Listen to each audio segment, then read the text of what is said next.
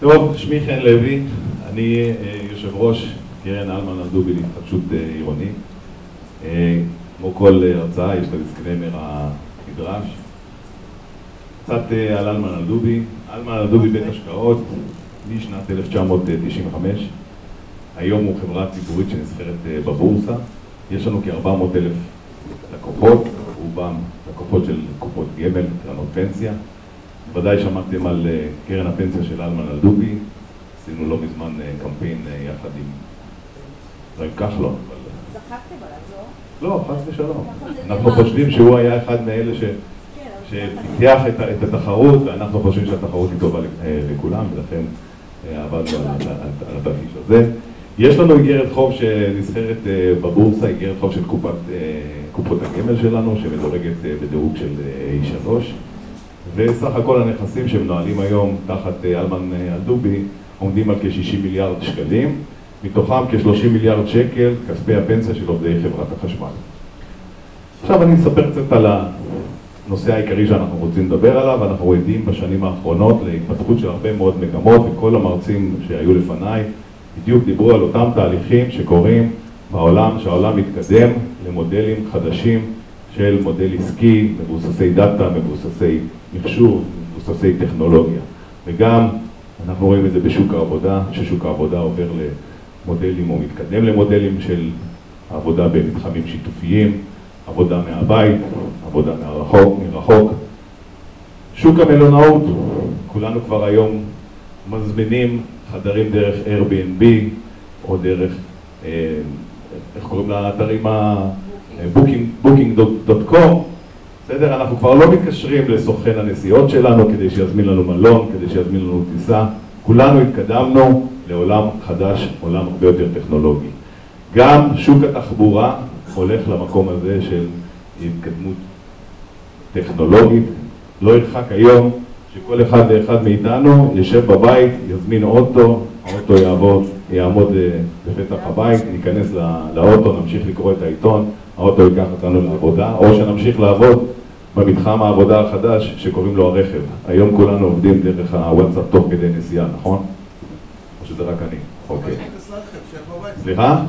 למה להיכנס לרכב? תעבוד מהבית. גם זה נכון. אז יכול להיות שהרכבים האוטונומיים יהיו הבית שלנו, גם זה יכול להיות. ואז השאלה היא, האם שוק ההון, האם הוא גם כן מתקדם? ולדעתנו, התשובה היא חד וחלק, שוק ההון מתקדם. גם הוא מתקדם.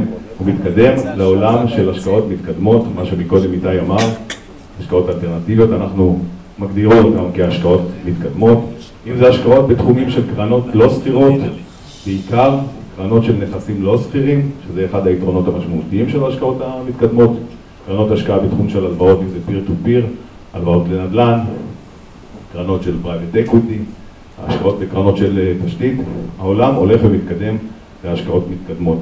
וההבדל בין ההשקעות המתקדמות להשקעות המסורתיות, וכל הדוברים לפניי דיברו על השקעות סחירות.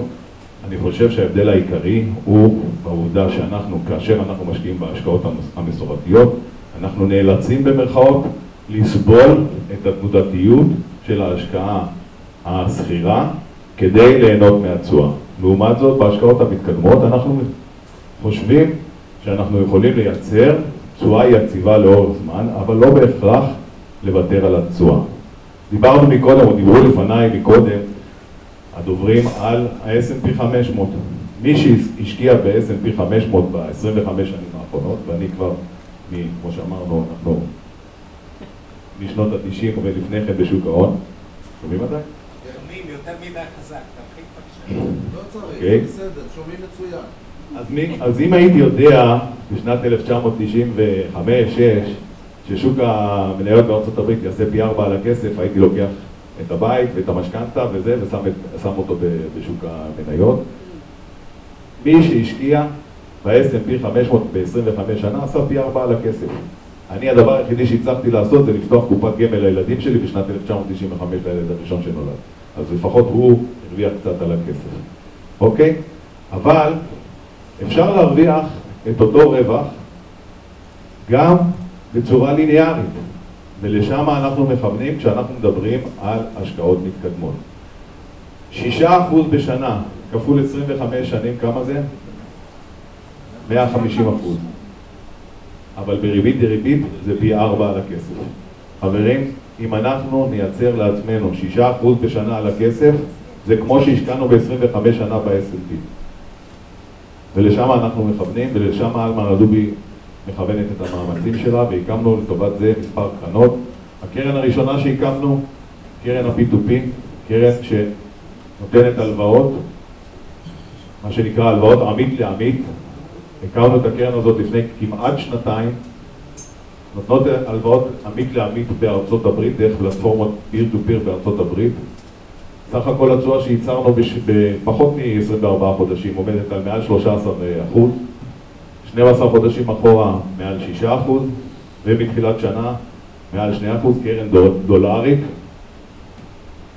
והקרן הזאת הולכת וגדלה, והיום אנחנו נמצאים כבר בסבב גיוס נוסף, היא קרן ציבורית, קרן שהונפקה באמצעות תשקיף, זאת אומרת שכל אחד ואחד מהציבור יכול להשקיע בה, היא אומנם אינה סחירה, אבל היא ניתנת להשקעה על ידי כל אחד ואחד. לא צריך להיות משקיע כשיר, אני מניח שחלקכם מכירים את המונח של אה, להיות משקיע כשיר. מינימום ההשקעה פה הוא 150 אלף דולר, וכל אחד יעשה לעצמו את החשבון אם מתאים לו להשקיע חלק מההון שלו. שימו לב, אנחנו מדברים על השקעה בריבית, אוקיי? כאשר האלטרנטיבות של ההשקעה שיש לנו היום בשוק ההון, אם אתם מכירים, אם לכל אחד, סליחה? 50 אלף דולר מיום השקעה. מה אמרתי? 150 50 אלף. דולר השקעה, סליחה. כאשר האלטרנטיבות היום להשקעה שיש לנו כמשקיעים בשוק ההון, הם לקנות אגרות חוב קונצרניות מדורגות, ב-AA, ב-A וכולי. מישהו מכם יודע מה התשואה שאנחנו קונים היום לפדיון באגרות הללו? סליחה? שני אחוז, אחוז וחצי. ולכן אנחנו חושבים שהקרן הזאת יכולה להוות תחליף לחלק מההשקעות שיש לנו בעולם של אגרות החוב הקונצרניות ולייצר עוד תשואה על מה שיש לנו אה, היום. התשואה היא שקלית. וזה שכיר או ש... התשואה היא שקלית, הקרן אינה סבירה, היא רשומה במערכת הנשר של הבורסה, וכל אחד, בכל סבב של גיוס שאנחנו אה, מגייסים באמצעות הצעת מדף, יכול לפנות אלינו ולמלא טופס, להעביר כספים, וכשהסבב נגמר, כמו כל הנפקה, אנחנו מתחילים אה, להשקיע, כולם נכנסים לפול אחד גדול ונהנים מכל התשואה של, אה, של הקרן. אז זה לגבי קרן ה-P2P שלנו, אם תרצו, נועם ומיטל פה מאחור, אפשר להירשם, אנחנו בדיוק עכשיו בסבב אה, גיוס ואנחנו מסיימים אותו ב-1 ביולי, ב-1 ביולי, אוקיי? אז זה לגבי הקרן שלנו, זו הקרן הראשונה שהקמנו לפני כמעט שנתיים. הקרן השנייה שאנחנו הצהרנו עליה שנקים, פרסמנו לפני פחות מחצי שנה, היא קרן בתחום אשראי למימון יזמים בתחום ההתחדשות העירונית בארץ, מה שנקרא תמ"א 38 ופינוי-בינוי. וגם פה אני חוזר על דברים שאחרים לפניי פה בבמה הזאת כבר אה, דיברו עליהם, אני חוזר על דברים של תהליכי אורבניזציה שהעולם חווה. בערך שני שליש מאוכלוסיית העולם הולכת להיות, לחיות במטרופולינים. שני שליש. אמר מקודם המרצה לגבי סין, שכבר 80 אחוז, אני חושב, אה, מהסינים עוברים אה, לערים, או 60 אחוז, לא זוכר את המספר המדויק. עדיין נשארו עוד 40 אחוז שיעברו לעיר. אפשר לראות את ההתפתחות של העולם של המטרופולינים. אם ב-1990 רק עשר ערים היו מעל עשרה מיליון תושבים, רואים שלאורך השנים המספר הזה גדל, ובעוד עשר שנים מהיום כבר 45 ערים יהיו עם מעל עשרה מיליון תושבים. המספרים הם מטורפים, שוב אותם דוגמאות מסין, אני חוזר על דברים שנאמרו כאן מקודם, רק מדגיש אותם. תשימו לב מה קרה בתהליך האורבניזציה בסין.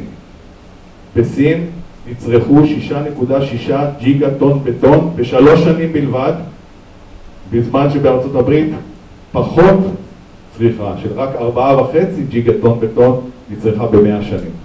תשימו לב על המספרים ועל סדר סדרי הגודל. גם בישראל אנחנו נמצאים בתהליך מואץ של בנייה, יש בארץ יותר מ-40 אלף אה, יחידות דיור בשנה ש, שנבנות, שלא בטוח שהן עונות על הצורך של הביקוש לדיור בישראל. איפה שאנחנו מסתובבים, אנחנו רואים בנייה חדשה, בעיקר באזורי הביקוש, כי אין מה לעשות, אנשים רוצים לגור קרוב למקומות שבהם יכולים למצוא תעסוקה, קרוב למקומות שכולם אה, נמצאים, קרוב למקומות הבילוי, ולכן הביקוש הוא באזורי הביקוש, גדרה, חדרה, חיפה, ירושלים, כן? ומה לעשות, מלאי הקרקעות הוא מלאי מצומצם באזורי הביקוש. והדרך היחידה שאפשר לפתור זה להגדיל את הבנייה באזורי הביקוש בערים הקיימות, בייחוד שמדינת ישראל צריכה לתת מענה לגידול המואץ באוכלוסייה. שימו לב, ישראל היא אחת מהמדינות עם הגידול הטבעי הגדול ביותר, ואנחנו צריכים לתת מענה ככה שבעוד חמש שנים או עשר שנים אנחנו נהיה ב-50% יותר אוכלוסייה ממה שאנחנו היום, במקום 8-9 מיליון, 13 מיליון, ובעוד 30 שנה אנחנו כמעט מכפילים את עצמנו. כלומר, מדינת ישראל צריכה להכפיל את כמות הדירות, או כמות יחידות הדיור, ב-30 שנה הבאות. ב-70 שנה הגענו למה שאנחנו היום. עכשיו אנחנו צריכים את מה שעשינו ב-70 שנה לעשות ב-30 שנה הבאות. ואיפה אפשר לעשות את זה? בעיקר באזורי הביקוש, ובעיקר על בסיס הקרקעות הקיימות. עכשיו יכול להיות שהמצגת תתקע. רגע. לא, הצלחנו. כמו, שאמר, כמו שאמרתי, הבסיס שעליו אנחנו אה, מתבססים הוא שהעולם של ההתחדשות העירונית הולך להיות מנוע צמיחה של ענף הנדל"ן בישראל. ענף הנדל"ן בישראל הוא ענף מאוד משמעותי בתוצר ומשפיע על כולנו. נכון להיום, כ-145 אלף יחידות דיור נמצאות בתוך תהליכי אה, תכנון בתחום ההתחדשות, ההתחדשות העירונית. רובם, כמו שאתם יכולים לראות, אולי קשה, רובם באזורי המרכז ותל אביב, ירושלים וחיפה, כמו שאמרתי מקודם. רק בשנה שעברה הוצאו 13,000 היתרי בנייה, הן לפינוי-בינוי והן לתמ"א 38. והביקוש הזה הולך, ילך ויגדל, הצמיחה הזאת תמשיך להיות אה, נחלתנו ברמה של כל שנה ושנה, כי כמו שאמרנו, אין מקומות אחרים. זה מייצר ליזמים צורך במימון, כי כל יזם, אם הוא יזם רציני, הוא לא הולך על פרויקט אחד, הוא הולך על מספר פרויקטים, ובסוף גם ליזם נגמר ההון העצמי שלו והוא צריך מימון זר. ביחד עם זה התפתח בשנים האחרונות בישראל שוק אשראי חוץ-בנקאי כדי לתת מענה לצרכים של השוק, אם זה דרך הגופים המוסדיים ואם זה דרך קרנות כמו שלנו, ואנחנו פה בשביל לגשר על הפער הזה בין הצורך למימון לבין השוק שכבר אה, נפתח ולתת לציבור את הכלי להשקיע בעולם של האשראי בעולם של ההשקעות המתקדמות, בעולם של הוודאות היותר אה, גבוהה. למה אנחנו הולכים להשקיע, או למה כדאי להשקיע בקרן מהסוג הזה? אז כמו שאמרתי, קודם כל, הקרן היא קרן שמאפשרת לכל אחד ואחד, או יכולה לאפשר, או תאפשר לכל אחד ואחד להיחשף לתחום שהולך לצמוח בעשורים הקרובים. שתיים, הקרן היא קרן שמשקיעה באשראי, היא נותנת הלוואות, היא תיתן הלוואות ליזמים בתחום ההתחדשות העירונית. היא תנוהל על ידי גוף מקצועי, שזה העבודה שלו וזה המקצוע שלו וזה הידע שלו וזאת ההתמחות שלו. היא תאפשר לכל משקיע להיחשף לא רק לפרויקט אחד, למספר פרויקטים עם סכומים יחסית נמוכים.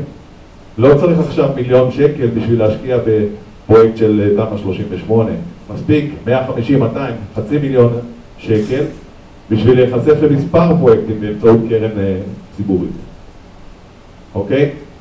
ובסופו של דבר, כמו שאמרנו, אין אלטרנטיבות, אין קרקע לבנייה באזורי הביקוש, ולכן בסוף יבנו קומות על קומות על קומות. אנחנו באלון לדובי חברנו לקבוצת דייברגון. קבוצת דייברגון מתמחה במתן אשראי בתחום ההתחדשות העירונית, ואנחנו הולכים להקים את הקרן הזאת. אני מקווה שבימים הקרובים תוכלו לשמוע על זה. קרן של התחדשות עירונית, שתשקיע ותשאף לייצר תשואה בהתאם למדיניות ההשקעות. תהיה מפוקחת על ידי חוק ניירות ערך בגלל העובדה שהיא תקבל, שתהיה מתושקפת.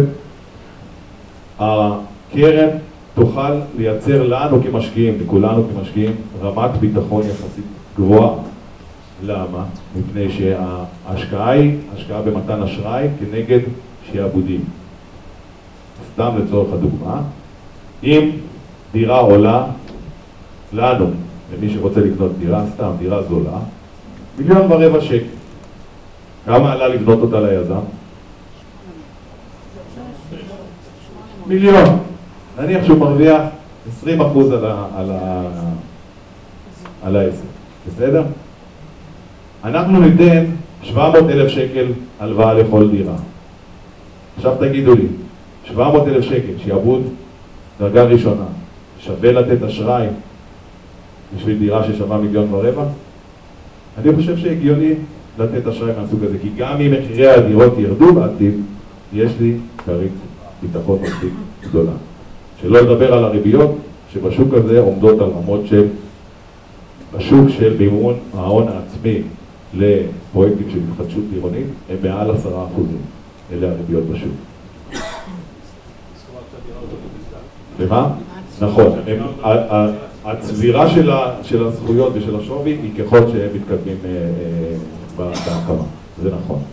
הצוות של דייברגון עד היום נתן אשראי למימון של כ-130, למימון של בנייה של כ-130 יחידות חדשות ב-19 פרויקטים. סך הכל העלות של הפרויקטים היא 210 מיליון, 210 מיליון שקלים בערך, והמימון שניתן, שימו לב, אפילו לא הגענו ל-70 אחוז כמו שנתתי בדוגמה הקודמת, 70 מיליון שקל מתוך עלות של 210 מיליון שקלים. דייברגון אה, השיגה בממוצע, ממוצע התשואות של דייברגון השיגה בפרויקטים שהסתיימו למשקיעים שלה בקרנות פרטיות, השיגה כ-9.8 אחוזים לפני מס לאחר העלויות.